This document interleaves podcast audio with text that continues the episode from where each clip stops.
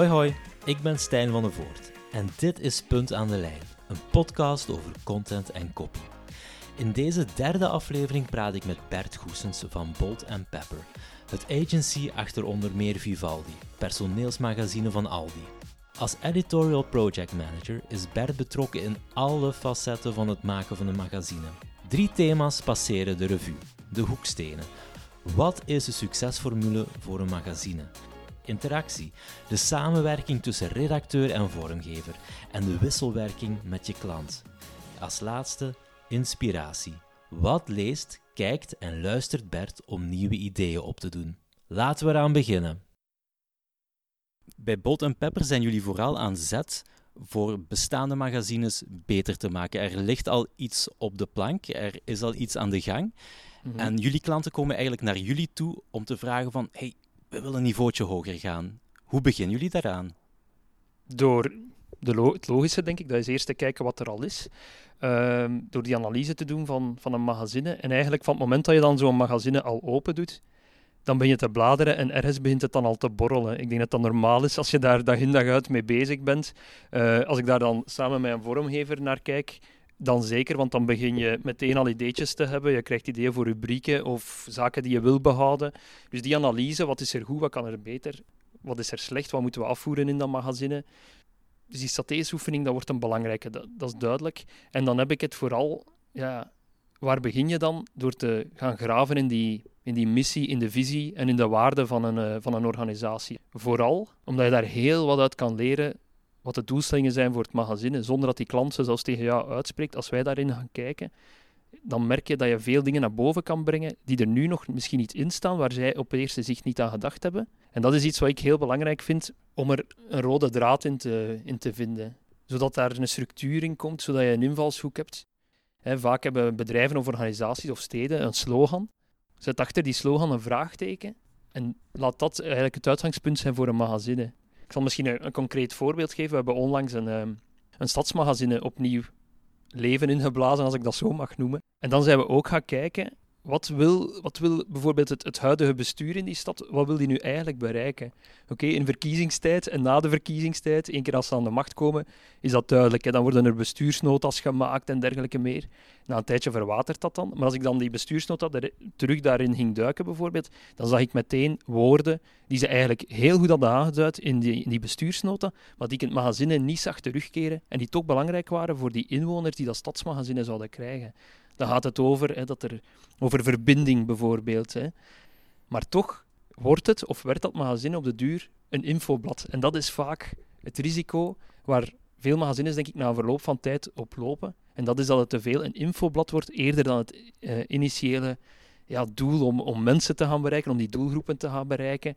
En op de duur wordt het een, een beetje te veel een mix van, mhm. van van alles. Is het, is het dan volgens jou jouw rol of uh, jullie rol als bureau om te zeggen van uh, om elk stuk af te toetsen aan, aan dat doel, aan dat doelpubliek? Als in van uh, kijk, we willen nu dit, dit stuk inhoud brengen, maar ja, past dat eigenlijk in de filosofie van het blad? Want die hebben we ooit ergens vastgelegd en volgens mij voldoet het niet aan de criteria die we ooit samen hebben besproken of die jullie voor ogen hadden.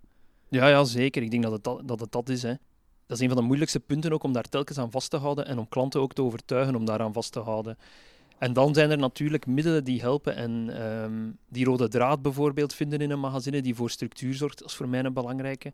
Een goede invulling van de plank van bij het eerste nummer, de plank, de, de maquette, zeg maar, het overzicht van, van wat het magazine telkens moet opnieuw zijn. De samenstelling uh, van al die pagina's. En dan helpen natuurlijk vaste zaken zoals, zoals formats en rubrieken die je eigenlijk dwingen om in die materie te denken, of die je dwingen om dat doelpubliek telkens weer te bereiken. Mhm. En dat zijn voor mij ja, de hoekstenen van een, van een magazine. Daar kan je die rode draad aan ophangen. En dan komt alles samen, denk ik. Natuurlijk moet er variatie kunnen zijn en moet je bepaalde pagina's openlaten om daar telkens opnieuw iets, iets, iets nieuws ook mee te kunnen doen. Maar zeker waarvoor wij magazines maken, voor organisaties, voor bedrijven, voor, voor steden, ja, ik denk dat je, dat je daar een houvast moet bieden door, door die formats in te bouwen zodat je de content krijgt die je telkens wil, elke keer opnieuw. Mhm. is, is er zo één, één format waar jij uh, bijzonder trots op bent, of waarvan jij zegt van, dat vind ik nu echt eentje van de vetste die we ooit hebben gedaan, of aan het doen zijn? Ja, er zijn verschillende zaken. Ik bedoel, ik denk aan een, uh, een bouwbedrijf En waarbij eigenlijk vooral de mensen in managementfuncties in het blad kwamen.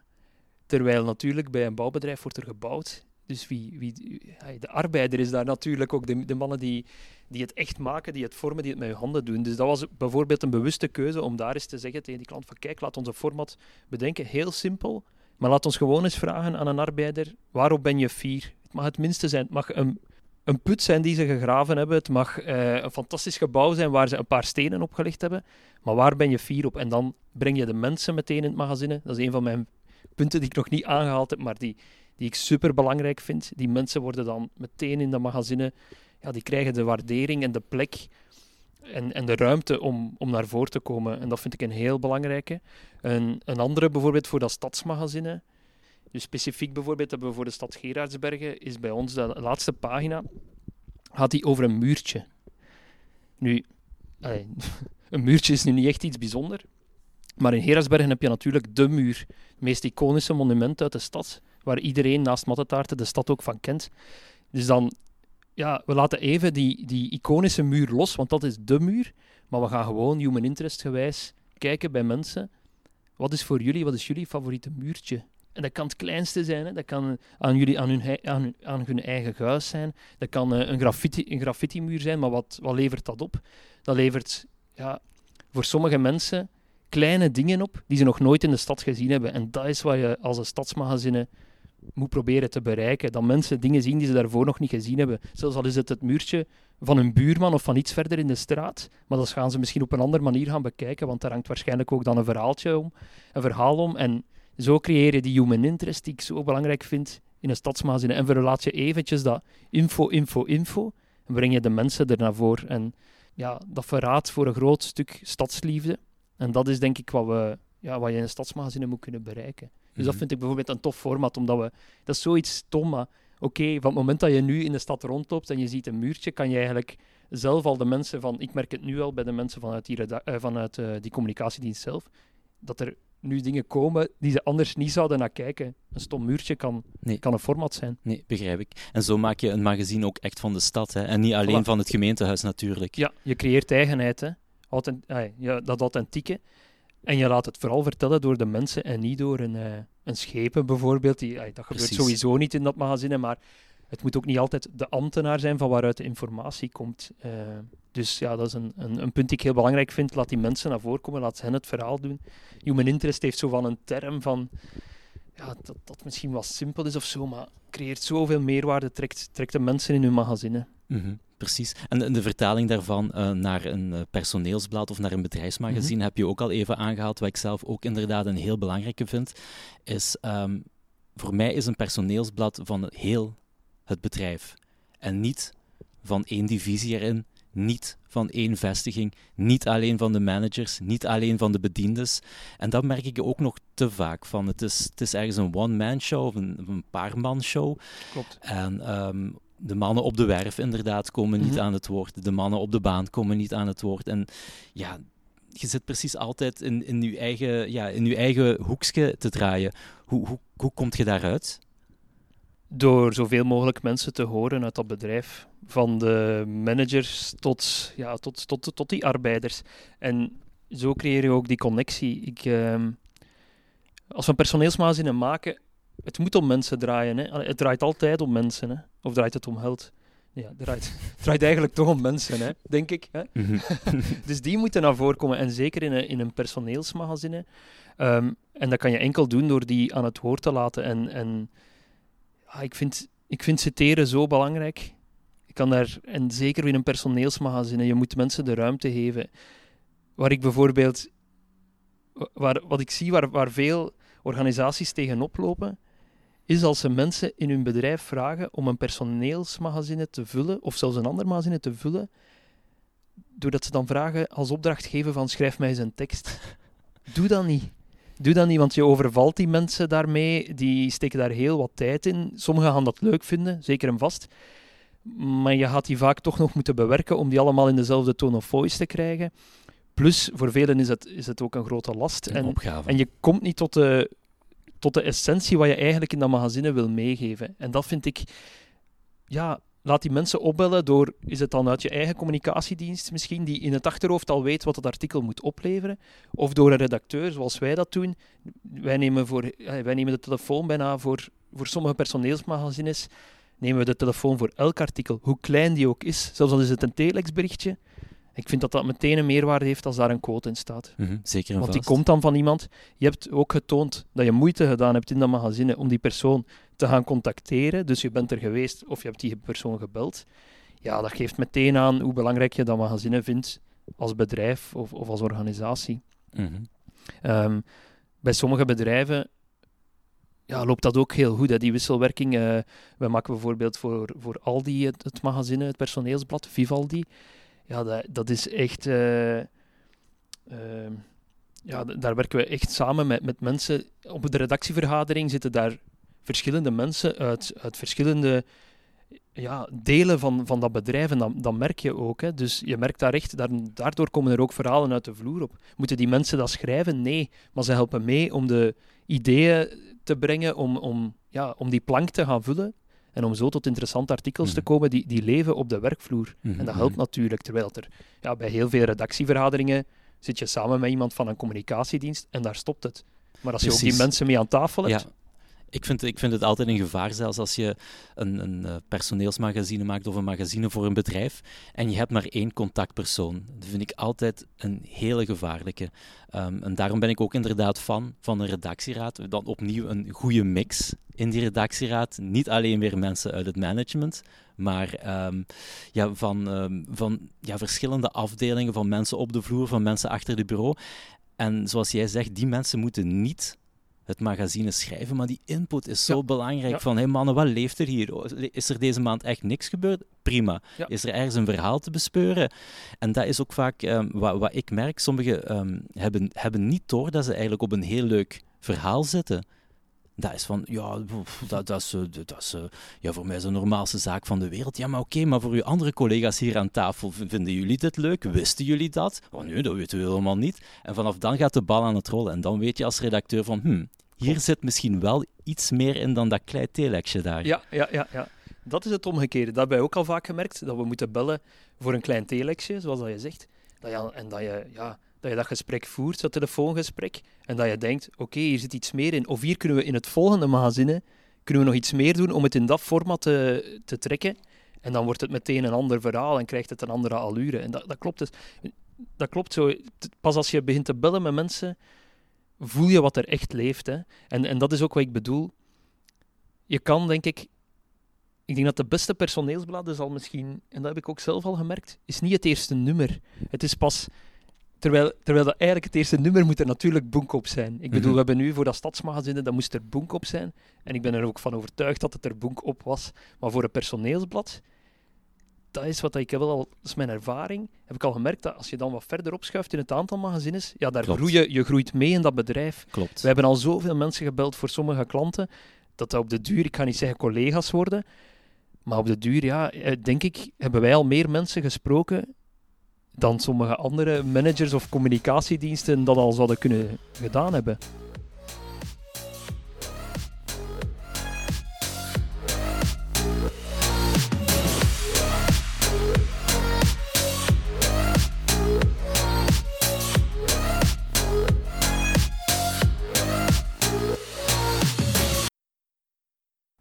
Bert, we verlaten even de hoekstenen van een sterk magazine. Ja. Eh, je hebt het eh, al een paar keer aangehaald. Een magazine is ook samenwerken met. Dat is interactie, in, in interactie gaan met, eh, met je eigen collega's, ook met, met je klant. Dus ik zou het graag een, hebben over, over die interactie eigenlijk. En ten eerste die heel, voor mij heel belangrijke wisselwerking tussen copywriter of redacteur en je vormgever. Want zonder je vormgever geen goed uitnodigend magazine. Ehm, ja. hoe zie jij die samenwerking? Hoe haal jij daar eh, het beste uit die samenwerking? Als dat klikt, dan maak je gewoon goede magazines. Dat heb ik nu ook gemerkt. En dat is ook iets waar ik in gegroeid ben. eh, In het belang van die vormgeving voor, voor teksten. Eh, voor een magazine, zoals je het net zel- zelf zegt. Ik denk, het woord uitnodigend is, is, is zo belangrijk in een magazine. En eh, hoe belangrijk ik tekst ook vind en hoe graag ik ook schrijf en hoezeer dat ook mijn, eh, leven is, als ik dat zo mag zeggen. Ja, ik heb wel geleerd dat de vormgever eigenlijk zorgt dat dat artikel uitnodigend is en dat je erin duikt. En dat is denk ik iets waar je elke redacteur overheen moet om dat te beseffen. Uh, en omdat je dat dan ook zou kunnen verkopen, zo op die manier aan een klant. Dat hij ook meegaat in dat verhaal van ja, het is superbelangrijk dat die foto hier toch wat groter staat. Uh, dat zijn, ja, dat zijn, dat is de essentie denk ik voor een groot deel. Om, om een artikel en om een magazine natuurlijk in goede banen te leiden. Die, mhm. En, en, heel concreet, hoe ziet de samenwerking bij Bolt Pepper eruit tussen een, een, redacteur en een vormgever? Is het zo dat jullie, uh, als het moment van uh, dat een pagina of een spread wordt vormgegeven, dat jij langs je vormgever standaard gaat zitten? Of uh, dat jullie alles een keer overlopen? Of is er op een bepaald moment een overdracht en van, joh, trek uw plan mhm. maar? Of hoe werkt het hier? Zo'n dingen groeien natuurlijk. Um, hier gaan we natuurlijk inderdaad gaan samen, met een, samen zitten met een vormgever zeker in een beginfase van een, van een magazine. Uh, we, hebben we hebben het nu al een paar keer gehad over de start van een magazine en hoe je, dat, hoe je daar induikt. Ik denk dat daar, dat kan je alleen maar doen als je daar samen naar kijkt met een vormgever. En dat je samen die plank maakt. Degene die zal instaan voor het grootste deel van de redactie en degene die vooral die vormgeving zal gaan maken, ja, dat moet op één lijn komen. Daar, daar moet het vertrekpunt goed zitten, of anders ja, dan loopt het denk ik verkeerd af. Maar dan één keer dat we bezig zijn met de redactie, bezig zijn met de magazines te maken, ehm, dan is dat denk ik iets dat groeit. En daar weer het belang van die formats. Eén keer dat ik weet, het is een artikel dat voor dat format is gemaakt, ik zie de beelden binnenkomen, dan weet ik al, oké, dit zit goed. Dan is er weinig uitleg nog nodig naar een vormgever, want die heeft mee, in het ideale geval, mee dat format bedacht. Dus die gaat dat uitvoeren. Dan moeten we er niet naast elkaar gaan zitten. Maar maar ik vind dat wel een van de boeiendste zaken. Ik denk dat je de tofste artikels kan maken, is als je inderdaad samen met een vormgever gaat zitten en denken, hoe kunnen we dit hier doen? Hoe kunnen we hier het mooiste resultaat van maken? Dat kan als die tekst geschreven is, maar in het ideaal geval doe je dat daarvoor mm. nog als de mogelijke artikels mm. binnenkomen. En ik denk dat je als tekstschrijver ook moet weten wanneer je je nederig moet opstellen. Het is niet zo, inderdaad, schrijven is ons leven, mhm. maar voor sommige formats, voor sommige klanten, voor sommige doelpublieken gaat dat visuele veel belangrijker zijn. En speel je als tekstschrijver inderdaad tweede viool. Ja, ja. Um, waar dat wij hier vaak tegenop lopen, en collega's ook denk ik, is de zin van de tekst is te lang. Uh, of kort die tekst in. Ik bedoel, dat is, dat is natuurlijk iets waar elke tekstschrijver tegenaan loopt. Maar ik begin dat toch ook meer, hoe meer magazines dat we maken, hoe meer teksten dat we afleveren en hoe beter ook die samenwerking is met die vormgever, hoe beter ook dat ik mij kan realiseren waarom dat we dat doen. Waarom dat dat korter moet. Wat ik zelf een moeilijke vind als redacteur is um, hoe ver ga je in... Eh, je hebt je formats, die zijn min of meer... Uh, weten we allebei welke richting we uitgaan, redacteur en vormgever. Daarnaast zijn er natuurlijk ook uh, de losse stukken, zal ik ze maar noemen. En als redacteur heb je dan soms al een idee van, oh, het zou wel leuk zijn als het een infografiek is, of het zou leuk zijn als er een paar, Allee, als er een paar schetsen worden gemaakt. Of nee, ik zie hier eigenlijk een hele grote foto en met de tekst erin gewerkt. En ik, ik vraag me dan altijd af van, ja, moet ik het nu aangeven? Moet ik het zeggen hoe ik het zie? Of beknot ik dan de creativiteit? Beknot ik dan de expertise van mijn vormgever? Ja, dat, dat is ook iets heel herkenbaar, ja. Je twijfelt of je het zou meedelen of niet, hè. Maar ehm, ik vind dat wel leuk om nu meer en meer ook visueel te gaan nadenken. Ik merk dat dat ook iets is dat, dat groeit met de jaren. Door ook vaker aan tafel te zitten met een vormgever en vaker te brainstormen, let ik ook in allerlei andere zaken, in andere magazines die ik zie of andere zaken, begin ik meer op het visuele te letten. En dat helpt mij ook bij het uh, tekstschrijven. Eigenlijk op een of andere manier beknot het je ik begrijp het, ruimte om, om een tekst uit te werken. En anderzijds, hoe meer je ook dat visuele mee hebt, ja, je groeit toch eigenlijk een beetje dan, vind ik. En dan, mhm. ehm, en dat is wel iets dat met de jaren komt. Ik denk dat dat moeilijk is in het begin. Eh, en dat, dat verbetert natuurlijk dan ook je relatie automatisch met een vormgever, dat je al meer in zijn denkwereld begint mee te gaan. Ehm, ja, misschien moeten vormgevers ook wel mee in onze denkwereld natuurlijk. En ja, voor hen het is natuurlijk makkelijk gezegd, hè, uh, kort die tekst in. Of, of ja. ja, dat is, dat is een makkelijke, hè, dat is makkelijk gezegd zo. Hè. En uiteindelijk voor ons, wat dat zeker niet makkelijk is, en dat is ook iets wat ik weet dat voor veel collega's en waarschijnlijk voor jou net hetzelfde is, een vormgever mag nog zo vaak zeggen dit is de tekstlengte of dit moet ingekort worden. Je moet het dan ook nog naar je klant gaan verkopen dat wij die teksten om die en die redenen moeten inkorten. Nee. En dan is natuurlijk een motivatie van uw vormgever wel een grote hulp die aangeeft waarom het nu net zo belangrijk is dat die tekst wordt ingekort. Ja, Want zoals ik al zei, sommige teksten worden geschreven door mensen in een bedrijf, die steken daar tijd in.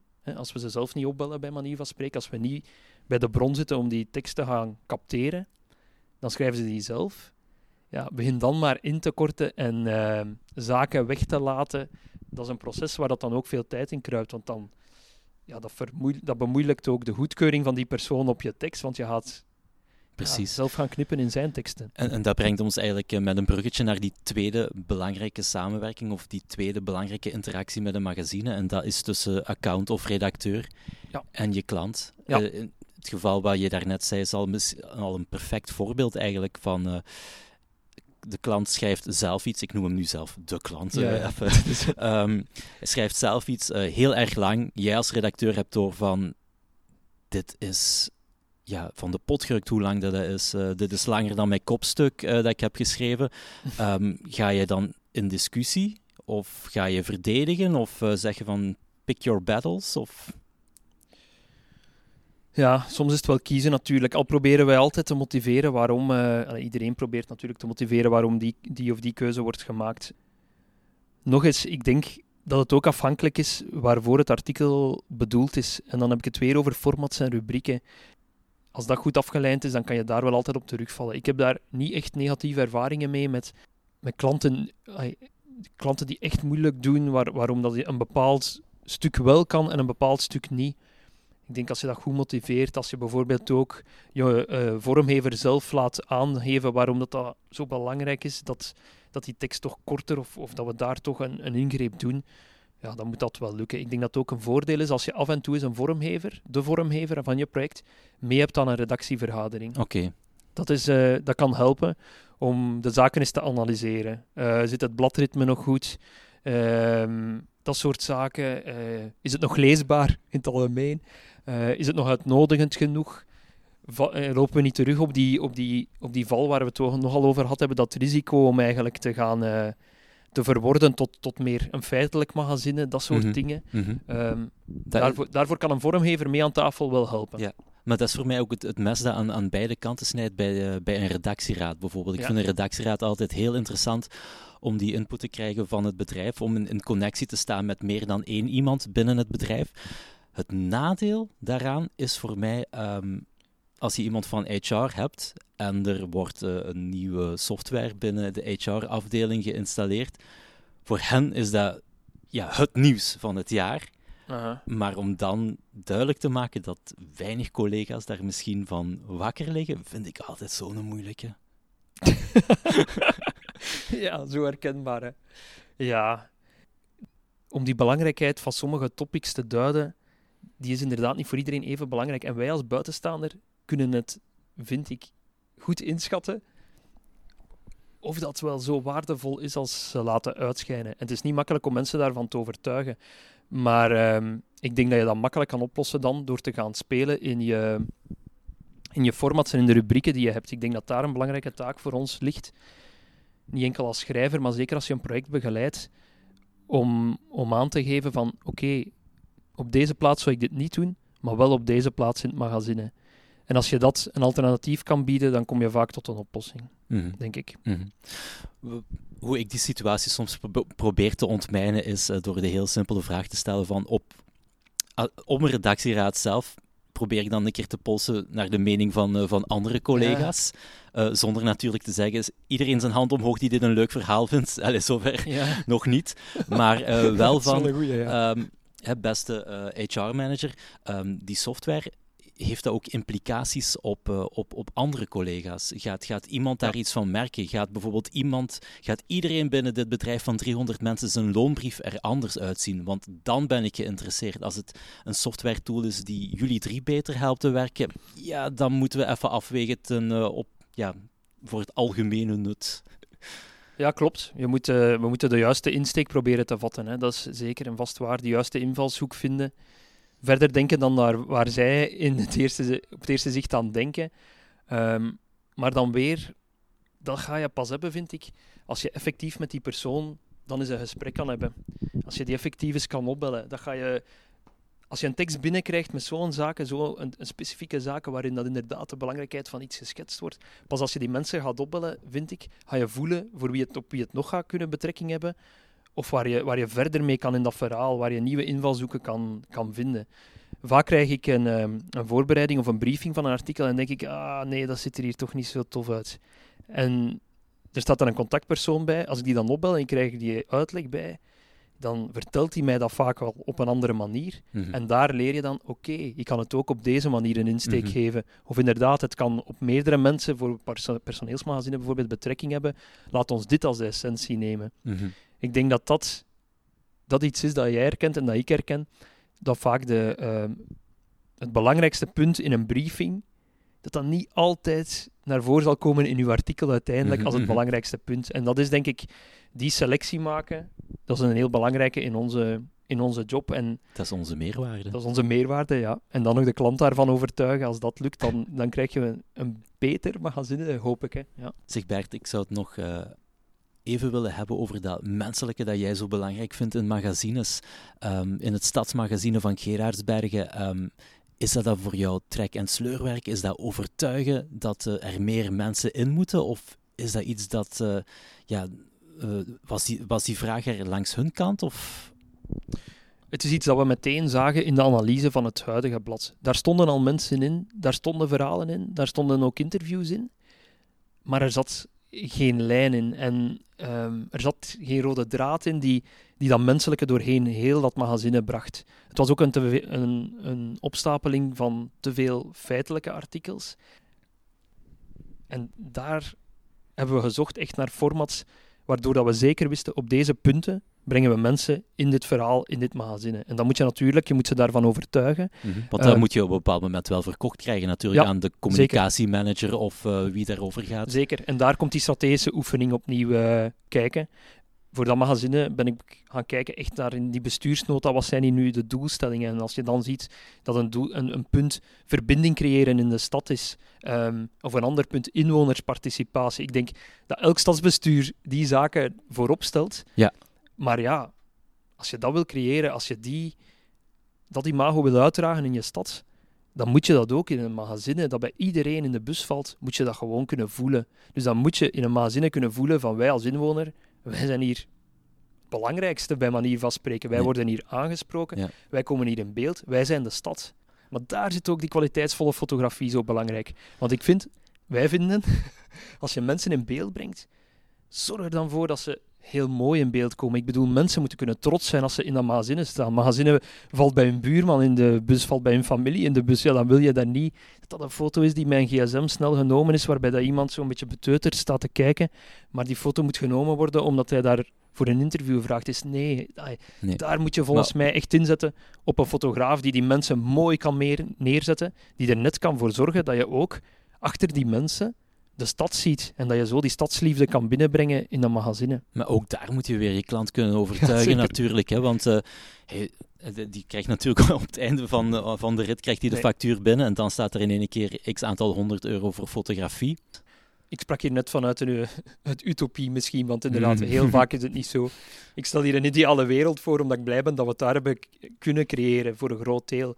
We hebben eigenlijk echt specifiek daar ook kenbaar gemaakt van op die, op die en op die plekken in het magazine stellen wij voor om met kwaliteitsvolle fotograaf te werken. Is dat op andere plekken, zijn dat aangeleverde beelden? Oké. Maar op die plekken die voor ons heel, hoekstenen zijn in dat magazine, die een spread moeten gaan vormen, die de lijn van dat magazine moeten uitdragen, het gevoel ook dat je krijgt, dat moeten allemaal supergoeie beelden zijn. En daar gingen ze wel in mee. We hebben een paar voorbeelden getoond. Dan komt het neer op voorbeelden en op de invulling, die eerste invulling van zo'n format. Hè. En daar is de vormgever natuurlijk ook van groot belang. Daar moet je je klant eigenlijk al kunnen overtuigen om voor dat format te gaan kiezen, om daar eens te laten zien van kijk eens hoe ze het hier doen, of kijk eens, als we dit beeld nemen. Eigenlijk is in, hier voor dat stadsmagazine alles in een stroomversnelling gekomen, omdat we eens één beeld hadden genomen van een bepaald event, dat echt supergoeie foto was, die genomen was door een, een kwaliteitsfotograaf van een event.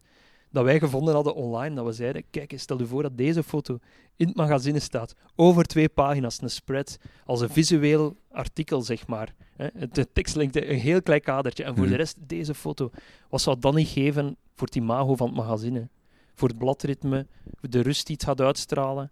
En dan door zo'n zaken voor te stellen en dat een paar keer in het magazine te laten inbreken, zeg maar, ja, hebben ze wel kunnen overtuigen van zo gaat het werken. Hè. Vind ik eigenlijk een heel interessante en ook vooral heel logische tip van laat zien hoe het er kan uitzien. Zeg niet gewoon van goede Ja. fotografie is belangrijk, maar laat inderdaad zien met, eh, ja, met een best case scenario, misschien zelfs een worst case scenario van een magazine dat een absolute ja, kneus is, om dan het eh, verschil aan te tonen.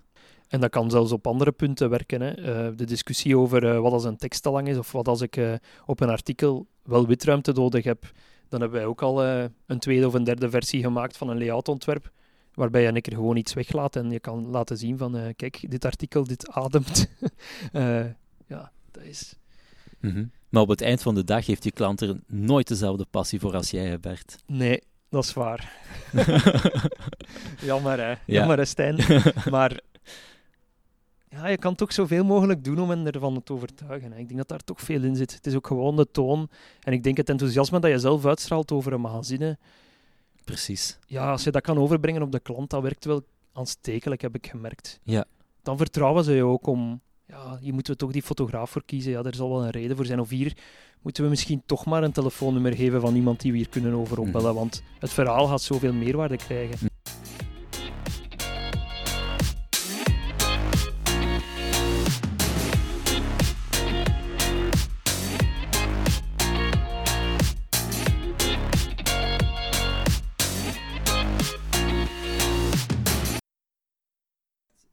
Thema 3 is eh, inspiratie. Ehm, ik wil graag een keer in jouw hoofd kijken van eh, waar jij je inspiratie vandaan haalt, eh, Mhm. door welke dingen jij geïnspireerd wordt. Ehm, maar eerst misschien inspiratie voor onze andere luisteraars. Op welk eigen magazine ben jij het meeste trots?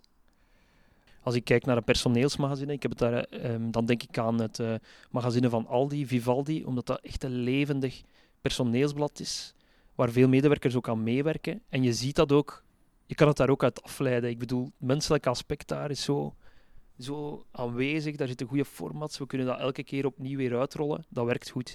Ehm Grappa bijvoorbeeld, van die, Grappa, magazine dat we maken voor KBC, eh, dat is eigenlijk een specifiek magazine dat we maken voor ehm, vermogende klanten van de bank. Ehm, ja, dat is ook een mooi magazine geworden. En dat telkens weer, de, de vormgeving zit daar goed, die kwaliteitsvolle fotografie eh, komt daarin terug. Dat wordt echt goed samengewerkt met goede fotografen die daar elk hun stijl in leggen. Eh, telkens ook een, een actueel bekend persoon ook op de cover, wat dat heel veel doet voor magazines ook. Ehm, dan ben ik ook heel trots op het stadsmagazine dat we gemaakt hebben onlangs Mhm. voor Gerardsbergen. Ja. Ehm, omdat we daar hebben kunnen doen wat ik het liefst doe, en dat is die mensen daar naar voren brengen. En ik denk dat dat daar heel goed gelukt is. En dat we, ja, allee, ik heb daar altijd het idee gehad van we moeten hier stadsliefde naar voren laten komen. En ik denk dat dat ook gelukt is, en dat merk ik ook aan de reacties. Dus ja, dat is iets waar dat we denk ik, eh, als ik het met, mijn vorm, met de vormgever ook over heb, aan wie dat we dat gemaakt hebben, dan is dat iets waar we alle twee trots op zijn. En als dat lukt, dan, dan zit dat al denk ik goed. Nee. Dan, eh, Voilà. Zeggen, van welk ander magazine ben je echt super jaloers dat je denkt van oh shit, dat had ik willen maken of hier wil ik echt aan meewerken? Vroeger had ik dat altijd ehm, bij Leef. Dat is het magazine van, eh, van CM. En dat is omdat ik vroeger ook voor de concurrentie gewerkt heb en ik was daar zo jaloers op. en eh, toen ik hier kwam werken, ehm, bleek dat het concept, dus niet het magazine, maar het concept, achter het magazine dat dat hier gemaakt is. Dus oké, is wat dubbel nu dat ik dat nu vertel, maar het is echt dus zo. Hè? Het is echt zo. En ik, daar, daar ook, daar zitten de format zo goed. En dat is iets om naar, echt om naar te kijken. Dus elk magazine wordt daar opgehangen aan een emotie. Ja, precies. En zo brengen ze dat in connectie met gezondheid.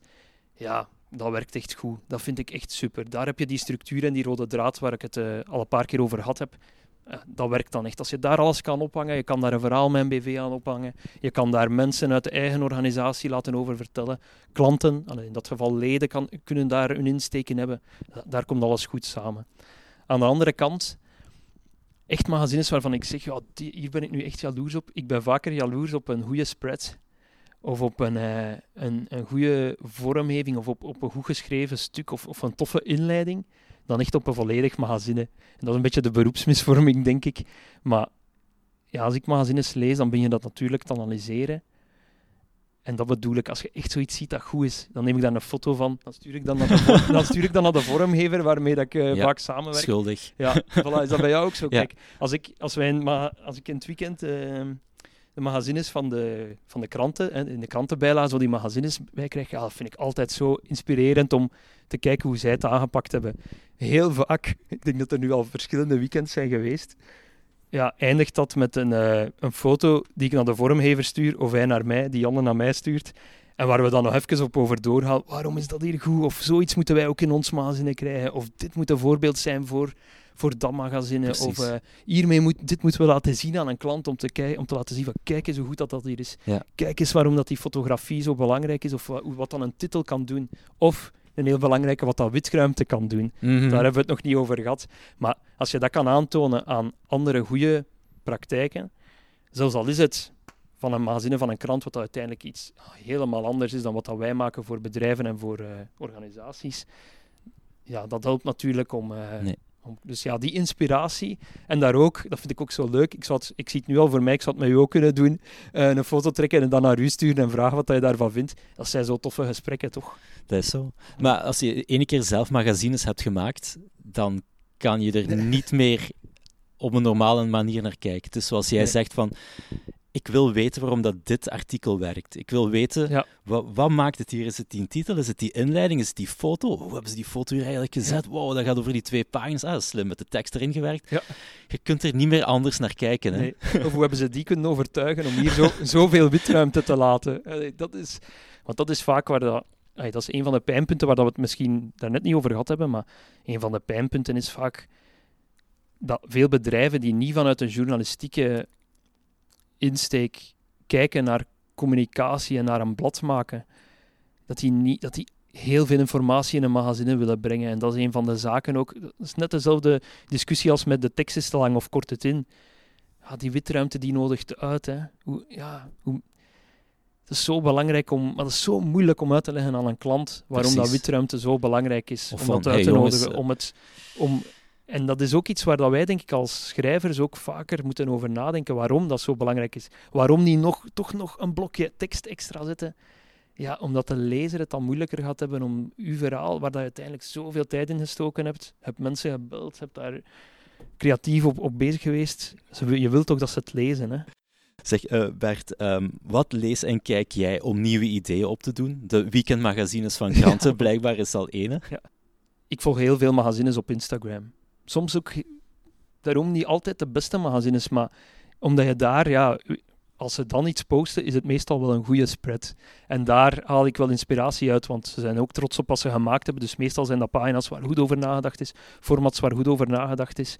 Ehm, vaak zijn dat ook van buitenlandse kranten bijvoorbeeld. Ik heb daar natuurlijk geen abonnement op, maar zij maken ook, net als hier in België, Soms geweldige prachtige dingen. magazines. Ja. Ehm, ik kijk graag naar de Instagram-pagina van de Volkskrant bijvoorbeeld. Zij doen met hun magazine, hebben zij de V van de Volkskrant telkens in de cover op een leuke manier altijd uitgewerkt. Vind ik heel tof om te zien hoe dat ze dat telkens volhouden ook. Allee, ik ben ook graag bezig met covers. Een leuke pagina op, op Instagram is Cover Junkie. Oké, Dat is echt een leuk om te, om te volgen. Ik denk dat het een, een Nederlander is ook. Eh, en die post uit Hans de wereld ook toffe, toffe voorbeelden van, eh, van covers. Hij is ook aan een krant gelinkt, ik ben het even kwijt. Cover Junkie is dat. Ehm, en daar eigenlijk juist hetzelfde, printscreentje maken, doorsturen en weer het daarover hebben. Ehm, ja, af en toe durf ik ook eens een magazine uit het buitenland bestellen, die ik net daardoor, omdat je op Instagram iets leuk gezien hebt en je wil verder zien hoe dat, dat, ja, hoe dat ze hoe dat ze die insteek of die rode draad, of dat dat doorheen dat magazine dan loopt, of dat daar nog toffe formats in zitten, hoe dat zij spelen in hun, in hun cadans in dat magazine. Allee, daar ben ik dan wel benieuwd naar. Eerder om het allemaal te gaan lezen natuurlijk, Mhm, is dan meer uit, inspi- Tuurlijk. uit inspiratie. eh. tuurlijk. Je had mij ook eh, de Bladendokter eh, De aangera- Bladendokter. aangeraden. Een heel fijne, heel fijne podcast. ja? Ja. heb jij hem ondertussen eens ik, heb, ik heb er eentje van geluisterd. Ja, Ja. En het is heel op het gemak. Het is heel, heel on-Hollands ook, vind ik eerlijk gezegd. Daar zit een heel journalistieke reflex ook achter, dat merk je. Eh, je krijgt daar vaak... In Nederland zit alles op vlak van magazines ook nog, nog een stap verder uiteindelijk. Hè. En daar laten ze eigenlijk mensen gewoon die daar in de redactie zitten, een hoofdredacteur, een eindredacteur, mensen die er rond zitten, het verhaal laten doen over zo'n magazine tot stand gekomen is. En dat vind ik een heel boeiende. Dat vind ik al iets boeiender dan, eh, dan dat hyperactieve over content marketing praten.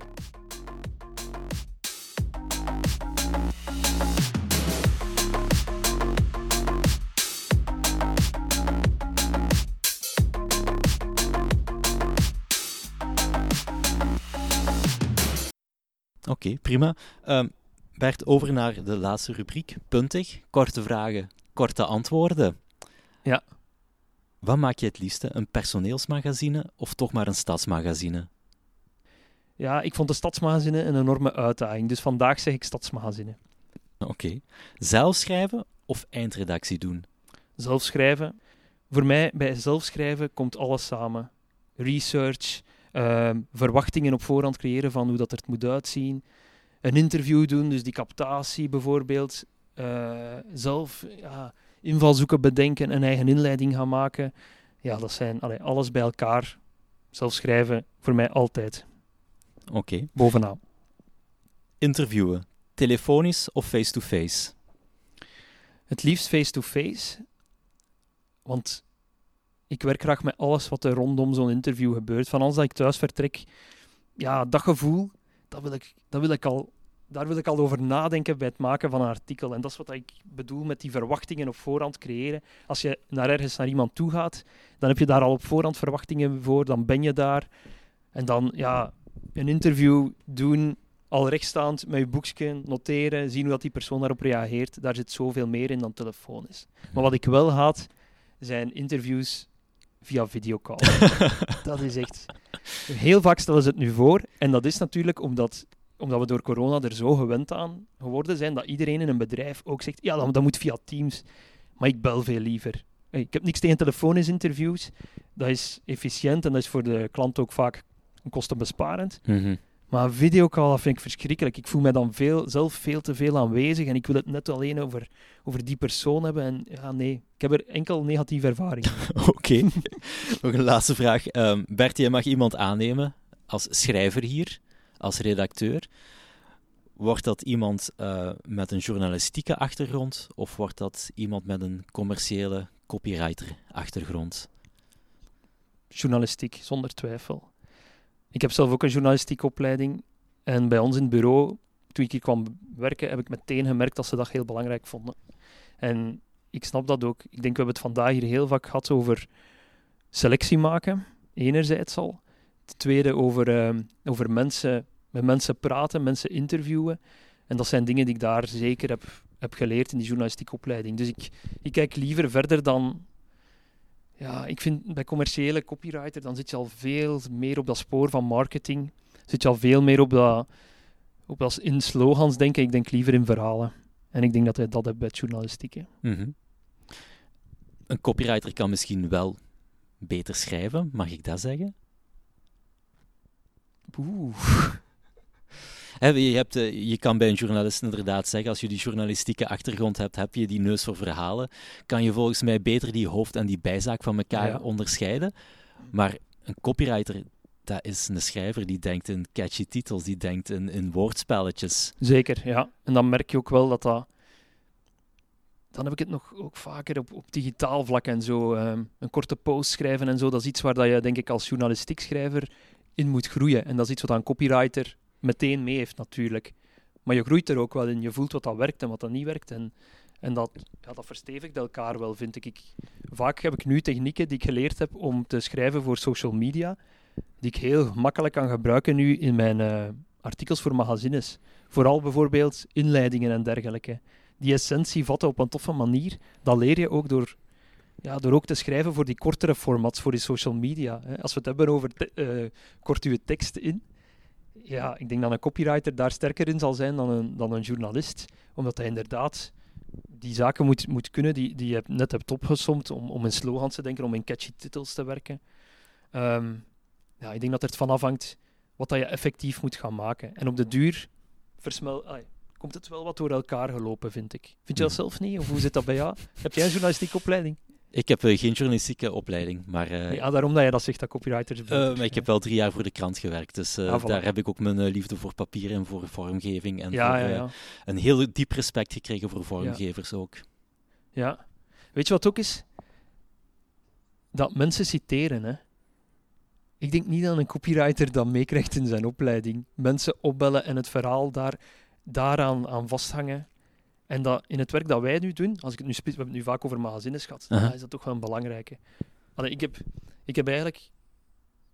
Dat belang heb ik eigenlijk ingezien door eh, een stage voor eh, Radio 2 te doen. Ik heb een stage gedaan bij Radio 2 en niemand zal dat weten, want ik ben nooit op de radio gekomen met mijn stem.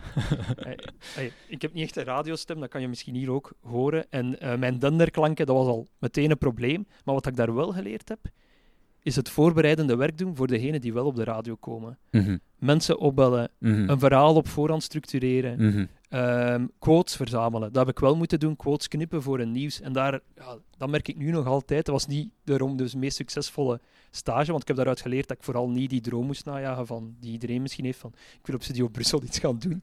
Maar net van, oké, ik moet gaan schrijven. Ehm, maar ja, ik heb daar wel dingen uit geleerd, zoals die quotes capteren en zo, die, die zo belangrijk zijn om verhalen te gaan maken. Mhm, mhm. Dus, goede stage eigenlijk.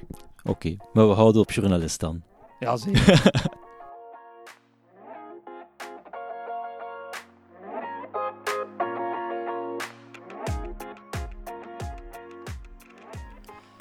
Zo, dat was het voor deze keer.